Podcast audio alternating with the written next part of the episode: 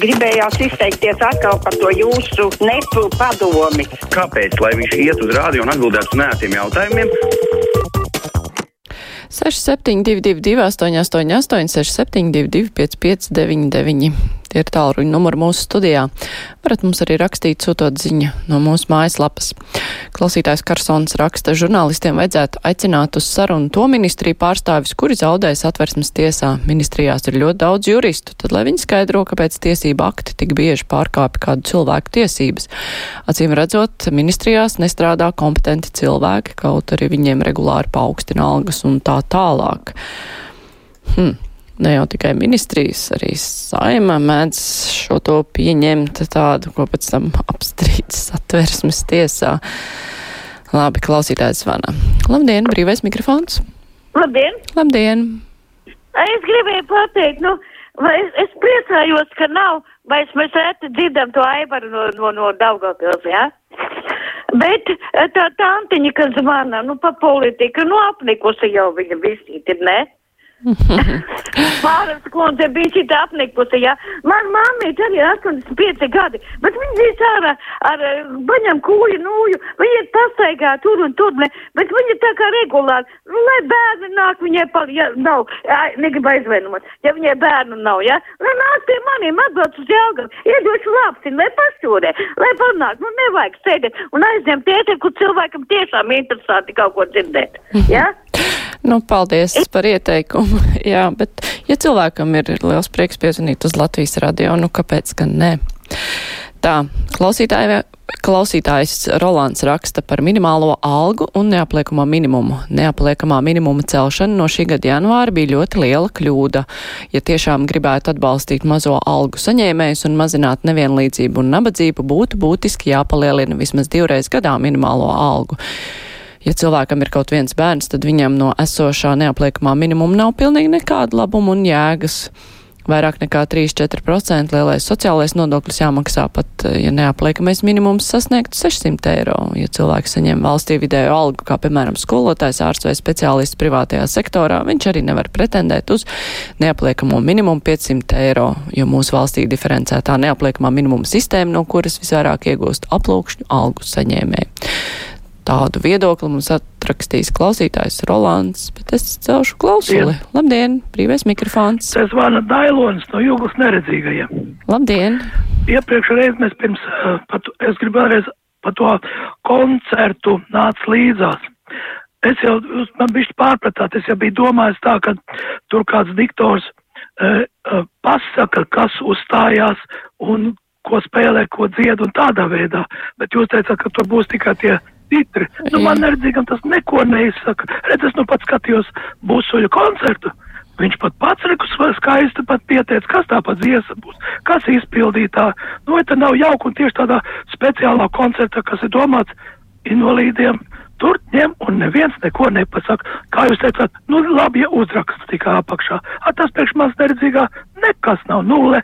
Jā. Paldies! Paldies jums. Jā, es tiešām mm, pārpratu. Es domāju, ka problēma ir tajā, ka uh, nav pat uzrakstīts, bet uh, jā, kas gan var būt vienkāršāks, ka vienkārši pieteikt nākamo skaņdarbu, tas taču daudz neprasa. Klausītājs Roberts raksta, pārlūkoja reitingu Latvijas radio viens visklausītākā ir pēdiņās pasaka par kaziņu, novēlu jaunajai Latvijas radio vadītāji izvērtēt visu raidījumu reitingus, radīt jaunu saturu ne tikai pensionāriem, bet arī 30 plus. Tu šodien ir domāt mūsu jaunā redaktore Anita Brauna kura būs ļoti nozīmīgs cilvēks Latvijas radio. Gunārs vaicā, sakiet lūdzu, kā tas nākas, ka policijā turpina atrasties dienestā un strādāt tā saucamie policisti, kuri izdarīja noziegumus un uzrādīt apsūdzību. Šie noziedznieki policistu formā turpina aizturēt citus cilvēkus, uzlikt sodus, būdam apsūdzēt par smagiem noziegumiem. Kā to saprast? Vaicā Gunārs, retorisks jautājums droši vien, viela pārdomām. Savukārt Aldis raksta atbildes uz jautājumu par Brunei iepriekšējā raidījumā kārtējo reizi apliecina izglītības situācijas degradāciju sabiedrības tad sorry, debilizācija pēdējos 20-30 gados bēdīgi. Tā ir Aldis uzrakstījis, bet viņa rakstītajā ir tik daudz kļūdu, gan tādu pārakstīšanās, gan gramatikas kļūdas. Tā izskatās. Pacelšu klausulī. Labdien, brīvais mikrofons. E, Labdien! Labdien. Dzirdam gan. mani? Jep. Um, es gribēju Māras kundzei pateikt sirsnīgu paldies. Es divus mēnešus nevarēju tikt pie otrās potes, un um, ar viņas palīdzību man trīsdienu laikā poti ir iztaisīta. Liels paldies Mā, uh, Māras kundzei! Kā tad tas tā sanāca?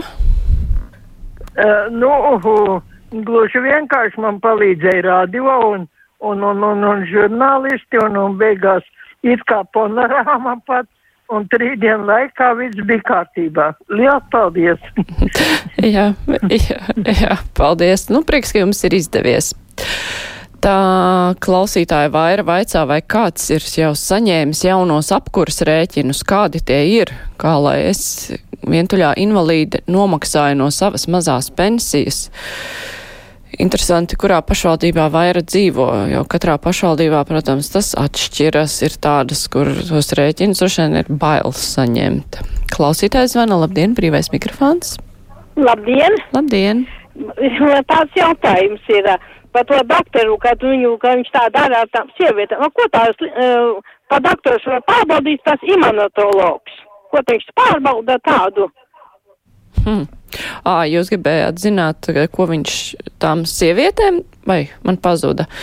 Jā, kāds bija viņa pārkāpums, vai arī kāda vispār ir doktora imunologa būtība, jo, kā jau arī sociālajos tīklos daudz tika rakstīts, ka iespējams, ka tās jaunās sievietes, kuras neaizgāja pēc uh, nepamatotajām ginekoloģiskajām apskatēm projām, tāpēc, ka viņas varbūt arī pašas nezināja, ko tad īsti tādam imunologam ir jāpārbauda, un tāpēc arī tas pārmetums, kāpēc viņas negāja projām, ir nu, arī īsti vietā, jo cilvēks tomēr uzticas ārstam un uzskata viņu par nu, cilvēku, kuram vajadzētu zināt, kuram var uzticēties, no kura nebūtu jābaidās. Klausītājs zvan, zvana, bet vairs nezvana. Celšu klausuli. Labdien, brīvais mikrofons. Labdien! Labdien. Es gribētu uzri, uzzināt, ja man pieņemsim, lai kāds var paskaidrot, nevar nekur. Ja man bērnam ir tā kā, nu, Covid-19 pozitīvs tas pastests, kas mums tālāk, tā kā vecākiem un um, vēl ir arī vēl divi bērni mājās, mēs varam iet kaut kur vai ne? Jums Mums ir jāiet. Pašizolācijā. Nē, jums, ja tas ir paštests, tad jums ir jāiet uh, taisīt īsto testu laboratorijā. A, ko mums tikmēr tiem pārējiem darīt? Nu, uz to laboratorijas testu jau diezgan ilgi ir jāgaida. Tad mm. mēs drīkstam uz darbu iet, vai mums visiem jāsēž mājās? Nu, es domāju, ka jums jau nav it kā pamata sēdēt mājās, jo tas ir tikai paštests, kurš neskaitās Ā, tad mēs oficiāli. varam iet uz darbiem un viss tālāk. Nu, centieties-. Centieties izvairīties. Es jūsu vietā censtos izvairīties, kamēr saņem testa rezultātu, bet uh, Nu, un jā, šķiet, un ka... ja labi, un ja viņš būs beigās bērnam, tas arī laboratorijas pozitīvs, tad mums visai ģimenei mājās jāsēž vai tikai bērnam? Nē, visa ģimene ir kontaktpersonas. Ja Ā, esat tad sēžam vakcinēts, mājās, varbūt. un Tagad uh, mēs varam droši staigāt vēl, ja? Nu, centieties nestaigāt. Tāds ir mans ieteikums. Jo, protams, tie paštesti, nu, tie nav oficiāli laboratoriski pierādīti, bet, nu, ir jāmēģina izvairīties no citiem cilvēkiem, ja iespējams palikt mājās, brīdināt darba devēju. Ja cilvēki ir vakcinēti, tad jau arī būdami kontaktpersonas teorētiski ar darba devēju piekrišanu var nākt uz darbu, un taisīt, turpināt tos paštestus. Bet, ja paštests ir um, pozitīvs, tad, protams, ir jācenšas pēc iespējas ātrāk piezvanīt uz kādu laboratoriju. Nav tā, ka būtu nedēļām ilgi jāgaida. Ir laboratorijas, kur var mēģināt sazvanīt, un citreiz pat ātri tiek. Klausītājs zvana. Labdien, brīvais mikrofons. Labdien, klusums klausulē. Bet es jūs tā atslēdzās. Celšu nākamo klausulu. Labdien, brīvais mikrofons. Labdien! Labdien! Gribēju jums tur pa studiju kaut kur, nu, staigā Toms Bricis. Gribētu viņam uzdot jautājumu, kāpēc likvidēja Viļakas meteostaciju? Man, diemžēl, šobrīd pa studiju Toms Bricis nestaigā. Būtu jau labi, ja viņš te staigātu un varētu šo jautājumu uzreiz uzdot, bet citā reizē. Varbūt Toms atrakstīs uh, atbildi un tad varētu, jā, nākamajā brīvajā mikrofonā nolasīt. Klausītājs zvana. Labdien, brīvais mikrofons! Sveiki! Labdien! e, vienu dienu jūs pieķērāties jautājumam par koplietošanas auto tēmu un uh, gribēju izteikt viedokli kā iedzīvotājs par uh, valstī noteikto, ka es kā iedzīvotājs reģistrējot automašīnu Igaunijā vai Lietuvā, Latvijā maksāja sodi, ja tur kaut kādas vairākas dienas gadā brauc šeit Latvijas teritorijā. Bet tajā pat laikā Latvijā ļoti populārs lietuviešu uzņēmums uh, CityB reģistrēta ar Igaunijas numuriem, brīvi braukā par Rīgu un pelnu naudu un nemaksā ceļu nodokli, kuru izmanto viņu biznesa vajadzībām. Un uh, tāpat laikā reklāma uz mašīnām ir CityB LV. Vai uz viņiem neatiecas tāds uh, likums kā uz iedzīvotājiem, kuri maksā nodokli? Mm -hmm. Patiesībā man, jā, arī man ir radies šis jautājums, redzot tās mašīnas ar igauņu lietuviešu numuriem ka sākumā šķita, kā, kurš tad te brauc ar eh, tādām mašīnām no citām valstīm, vai te dārgi nesanāk, bet laikam tās te tiešām bāzējas. Bet ap citu runājot par tām kuplietošanas mašīnām, viens no uzņēmumiem mums atrakstīja, ka tur bija interese par zonas paplašināšanu dubultos, lai invalīdi varētu izmantot tik līdz mācību iestādē, tad tur viens ir paplašinājis. Uh, viens no tiem uzņēmumiem, tā kā varat painteresēties. Inga raksta, Jansone, netēlojiet viszini. Nu, redz, te visiem labs nebūs. Ja cilvēki uzdod jautājumu, tad ir kaut kas jāatbild. Ja es atbildu pēc būtības, tad esmu tēloju viszini. Ja pasaku, ka nezinu, tad man pārmet, ka es esmu nezinis. Ko tad lai es daru? Klausītājs zvana. Labdien, brīvais mikrofons. Labdien! Labdien! Man sekojošs jautājums. Vakar jau raidījumā bija. Kā, kā var valstī pieļaut tādus cilvēku nokļūšanu pie vadošiem amatiem kā Koļigovā? No. Vai tas ir iespējams, ka viņi nu, saistīti ar korupciju, pēc tam viņi iecel atbildīgā amatā, kur viņi kļūs ar vien bagātāka? Hmm. Varbūt, ka mums tas miljonāru skaits jāpalielina. Un otrs jautājums, kā ir ar gobzemi?